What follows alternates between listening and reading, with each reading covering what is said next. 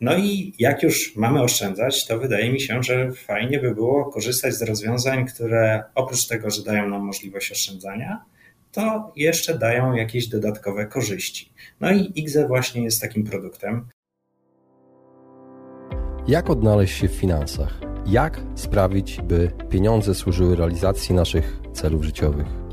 Na te oraz inne pytania odpowiadają goście podcastu Po ludzku o pieniądzach, którego partnerem jest General Investments TFISA i który mam zaszczyt prowadzić. Nazywam się Radosław Budnicki, na co dzień prowadzę podcast Lepiej Teraz i nie jestem internetowym guru zarabiania. Rozmawiam tylko po ludzku o pieniądzach z ekspertami, którzy zrozumiałym językiem tłumaczą zawiłości finansów i to, jak sprawić, by pieniądze nam służyły, a nie nami rządziły. Serdecznie zapraszam. Witam Was serdecznie w kolejnym odcinku podcastu Po ludzku o pieniądzach. Dzisiaj moim gościem będzie ekspert z General Investments e, TFI, Jakub Maciak, który pracuje jako menadżer do spraw nowych produktów e, w tym towarzystwie i opowie dzisiaj o IGZE. W związku z tym poprosiłem go też, by przybliżył temat nowych limitów e, dla samozatrudnionych, które weszły w tym roku. Mm, wokół tego tematu jest e, wiele wątpliwości i wydaje mi się, że ta rozmowa przybliżyłaby nam wszystkim te zagadnienie związane właśnie z inwestowaniem w trzecim filarze e, za pośrednictwem IGZE. Także serdecznie zapraszam do wysłuchania tego odcinka. Cześć Kuba. Cześć. Bardzo dziękuję, że zgodziłeś się wystąpić w podcaście po ludzku o pieniądzach i zgodziłeś się też opowiedzieć o IGZE i zagadnieniach związanych właśnie z IGZE. Ale na początek, jakbyś mógł powiedzieć słuchaczom, czym na co dzień zajmujesz się zawodowo i gdzie pracujesz? Tak, e, dzień dobry Państwu. Ja zawodowo e, jestem menadżerem do spraw rozwoju nowych produktów e, w Towarzystwie Funduszy Inwestycyjnych General Investments. No i zawodowo moja praca skupia się na właśnie rozwoju oferty produktowej, czyli tworzeniu nowych rozwiązań inwestycyjnych, bądź też aktualizacji tych, które już mamy wdrożone, tak żeby one były dopasowane do do oczekiwań klientów, do regulacji prawnych, do, do, do uwarunkowań biznesowych, i, I tutaj, jeśli chodzi o tą ofertę produktową, no to w, w dużej mierze odpowiadam za właśnie ofertę produktów emerytalnych dostępnych u nas w towarzystwie. No właśnie, no to porozmawiajmy o produkcie emerytalnym. Y, na początek poproszę Cię o przypomnienie w kilku zdaniach, co to takiego IGZE, co oznacza ten skrót, co się za nim kryje. Tak, ogólnie system emerytalny w Polsce to, to y, bardzo wiele takich skrótów, głównie trzyliterowych, bo mamy PP, mhm. PPK, IKE, IGZE wyjątek, czteroliterowy skrót. IGZE, ten tajemniczy skrót to są indywidualne konta zabezpieczenia. ZUS, przepraszam, jeszcze ZUS jest trzyzerowy. Jeszcze ZUS, no, ale to nie chciałbym łączyć z tymi właśnie, które wcześniej wymieniłem, bo niestety ZUS kojarzy się tak różnie. No tak. E, natomiast Dobra. jeśli chodzi o IGZE, no to mamy indywidualne konto zabezpieczenia emerytalnego, czyli to już jest dodatkowe rozwiązanie poza tym e, systemem e, głównym, czyli taki produkt finansowy, który nam pozwala budować dodatkowy kapitał na emeryturę. I bardzo często jest właśnie um, określany jako ten taki produkt trzeciofilarowy. No bo mamy trzy filary systemu emerytalnego. Pierwsze, czyli ZUS, drugie OFE, póki jeszcze istnieje, no bo od wielu lat są zakusy, mhm. żeby je zlikwidować. No i trzeci filar, czyli właśnie różnego rodzaju, różne produkty finansowe, no, które służą temu, żeby zgromadzić ten dodatkowy kapitał e, na emeryturę. No i tak to, tak to wygląda. IGZE, IGZE są na rynku od 2012 roku, chociaż same działają na podstawie ustawy o właśnie IKE i IGZE, która była dużo wcześniej. Powiedz, dlaczego warto mieć IGZE? Dlaczego warto? Mm, znaczy myślę, że tutaj pytanie chyba na początku powinno być, czy tylko IGZE wystarczy?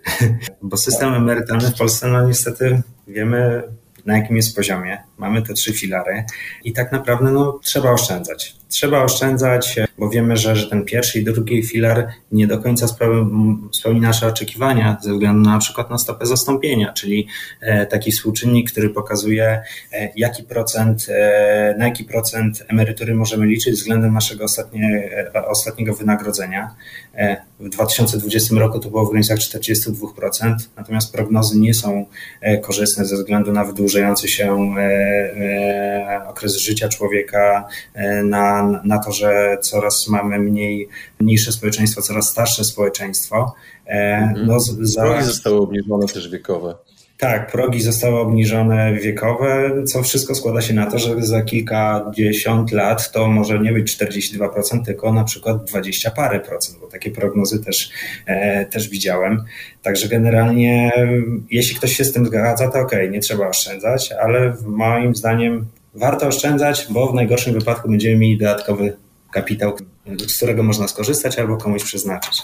No i jak już mamy oszczędzać, to wydaje mi się, że fajnie by było korzystać z rozwiązań, które oprócz tego, że dają nam możliwość oszczędzania, to jeszcze dają jakieś dodatkowe korzyści. No i IGZE właśnie jest takim produktem, no bo mm, działa na podstawie ustawy, daje nam dodatkowe e, możliwości. IGZE może być prowadzone przez różne instytucje finansowe, bo mamy IGZE i e, w bankach, i w towarzystwach ubezpieczeniowych, i prowadzone w ramach e, dobrowolnego funduszu emerytalnego, czyli zarządzane przez PTE, czyli te instytucje, które też zarządzają OFE. Mamy IGZE w biurach maklerskich, no i mamy też IGZE w TFI, czyli w takich firmach, w których, w której ja na przykład pracuję. Także formy IGZE mamy bardzo różne, natomiast ta, w dużym skrócie no, każda z tych form daje jakieś tam dodatkowe możliwości inwestycyjne, e, bo to nie jest jakiś wirtualny zapis, który trafia tak jak w ZUS-ie, te pieniądze wpadają, ale przecież nigdzie nie są odkładane, od, od razu one są wydatkowane. One są tylko w postaci elektronicznego zapisu.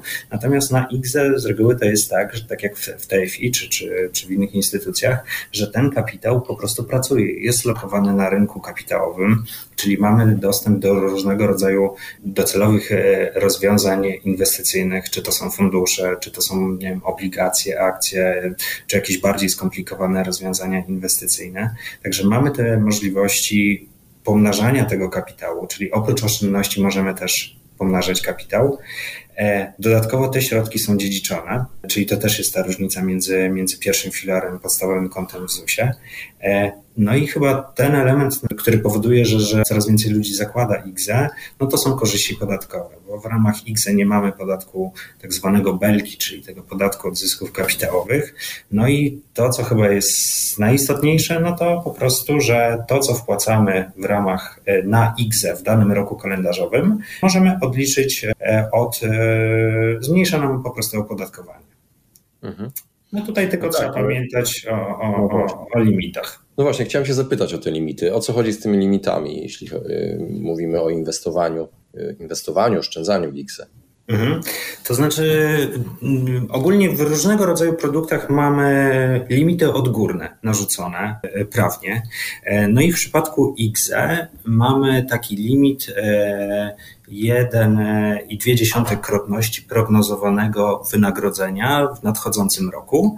I to jest taki standardowy limit, który funkcjonuje od wielu, wielu lat, czyli on się po prostu zmienia co roku, no bo co roku w, w ustawie budżetowej jest e, prognoza wy, e, przeciętnego wynagrodzenia na kolejny rok, no i od tego jest naliczany jest naliczany ten limit w WIGZE. Limitem, jakbyś mógł tak po ludzku wytłumaczyć. E, po ludzku to, wygląda to tak, że w ramach, w danym roku kalendarzowym nie możemy wpłacić więcej niż ten limit. I w tym roku on jest, oczywiście te, te limity są znane trochę wcześniej niż e, rozpocznie się rok. W tym roku, czyli w 2021 mamy maksymalnie na IGZE możemy wpłacić powyżej 6 tysięcy, a dokładnie 6310 i 80 groszy. I to jest taki podstawowy limit IGZE, czyli powyżej tego limitu nie możemy wpłacić w ogóle do tego produktu i tą kwotę możemy w zależności od tego, w jaki sposób e, dana osoba rozlicza się e, podatkowo, można po prostu tą, tą kwotę odliczyć i od tego mamy właśnie tą korzyść podatkową, czyli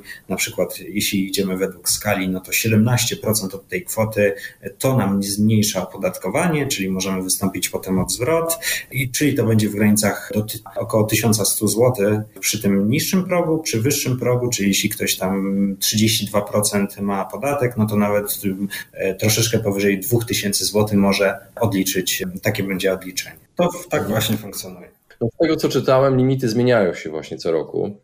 A e, teraz doszły też e, limity dla przedsiębiorców. Czy mógłbyś więcej powiedzieć na ten temat? Tak, tak. Limity, tak potwierdzając, limity zmieniają się co roku i mamy pewną nowość nowość od e, początku tego roku. Nowość, e, której geneza w ogóle wywodzi się z ustawy o pracowniczych planach kapitałowych, no bo część osób, mimo tego, że PPK jest ogólnie w Polsce dla wszystkich, no to część osób nie może z niej skorzystać. I właśnie dla takich osób, czyli dla osób prowadzących pozarolniczą działalność, jest ustanowiony wyższy limit, czyli tak jak wcześniej mówiliśmy o tym limicie, który był 1,2 krotności, no to te osoby, które prowadzą pozarolniczą działalność, mogą odprowadzać więcej. W tym roku to jest na przykład 9466 zł i 20 groszy i to jest e, maksymalny limit dla takich osób w tym roku. No w przyszłym roku na pewno będzie większy, a, a na jakim poziomie to pewnie dowiemy się z rozporządzenia, e, z obwieszczenia, które będzie do końca podejrzewam listopada.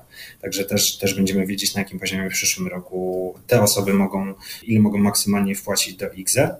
No ale pytanie też, kim jest ta osoba, która prowadzi pozarolniczą działalność, bo to takie Właśnie, kto konkretnie może z tego korzystać?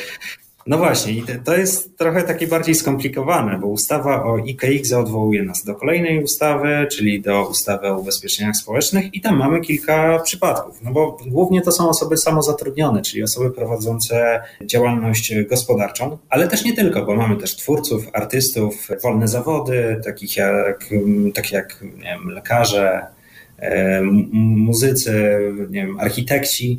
Mamy też na przykład e, wspólników jednoosobowych spółek, e, tutaj spółki ZO, spółki jawnej, partnerskiej. Też mamy akcjonariuszy tego takiego nowego tworu, czyli prostej spółki akcyjnej, czyli coś, co powstało dopiero w tym roku.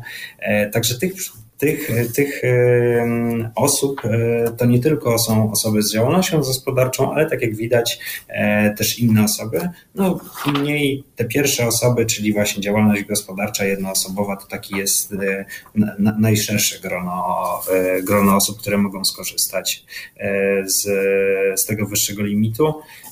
Natomiast no, tutaj warto, warto zweryfikować, czy rzeczywiście my, czy, czy dana osoba może z tego limitu skorzystać, czyli po prostu trzeba najlepiej potwierdzić ze swoim nie wiem, doradcą podatkowym, tak żeby jednoznacznie było wiadomo, że tak mogę skorzystać.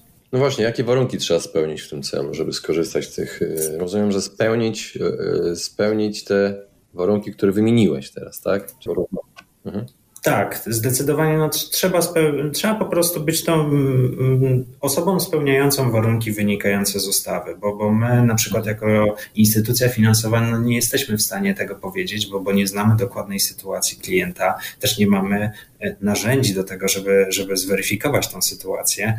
Także jedyne, jedyne co, no to klient może, czy, czy osoba, która chce oszczędzać w IGZE, no sama musi yy, dookreślić, czy rzeczywiście spełnia te warunki, czyli czy na przykład prowadzi e, działalność gospodarczą, nie może korzystać z PPK, no to, to, to jest taki pierwszy sygnał, że, rzeczywiście może e, przysługuje mi wyższy limit e, IGZE.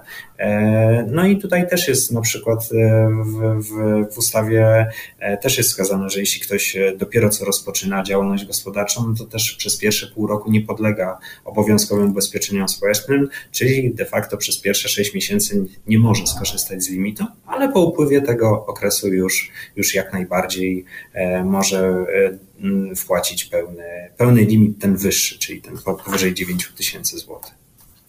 Mhm. Okej, okay. powiedzmy, że ja, ja wiem, że jestem samozatrudniony i yy, w jaki sposób, gdzie mam się zgłosić, yy, że, żeby skorzystać z tego limitu?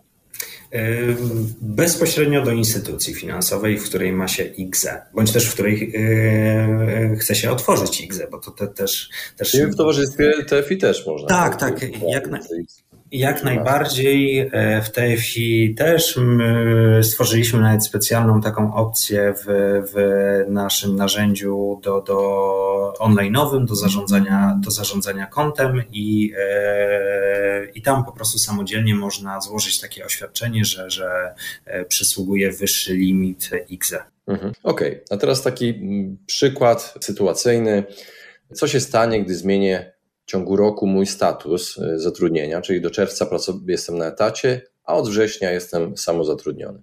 No i to jest właśnie ciekawe pytanie, bo my takich case'ów, takich przypadków bardzo dużo analizowaliśmy, jak ten, ta zmiana wchodziła w życie. Też musieliśmy się poradzić kancelarii podatkowej, z którą współpracujemy, z którą właśnie takie ciężkie, ciężkie pytania analizujemy.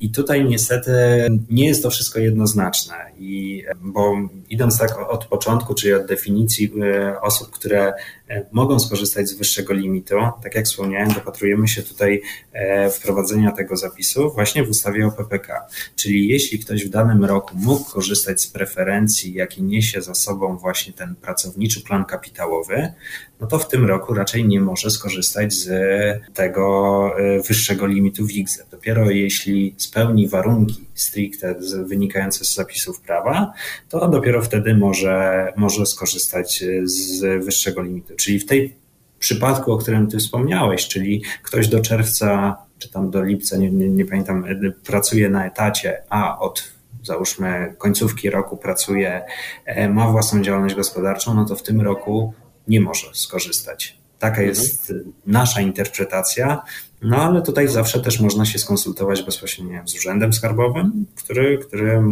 może udzielić takiej informacji, czy, czy, czy na infolinii e, Krajowej Izby Skarbowej, czy też na przykład skonsultować się z, ze swoim doradcą podatkowym, czy, czy też prawnym, no i, i, i w ten sposób po prostu postępować. Mhm. W drugą stronę tak samo. Mhm. Czyli ktoś prowadzi działalność gospodarczą do połowy roku i potem ją zamyka i, i z końcem roku zaczyna pracę na etacie, no to też, mhm. też nie, mimo tego, że nie wiem, przez większość roku nawet prowadził działalność gospodarczą, no to potem korzystając z ustawy o PPK nie może skorzystać z tego wyższego limitu. No dobrze, ale co się dzieje z tymi wpłaconymi pieniędzmi w tej, w tej drugiej wersji klubu? One jak najbardziej pozostają w XD, no bo mieliśmy możliwość wpłaty, po prostu jest kwestia wykazywania tego przy rozliczeniu podatkowym. No bo po prostu y, taka osoba nie, nie, występuje o zwrot. Po prostu w momencie, kiedy środki były wpłacane na X, warunki były spełnione.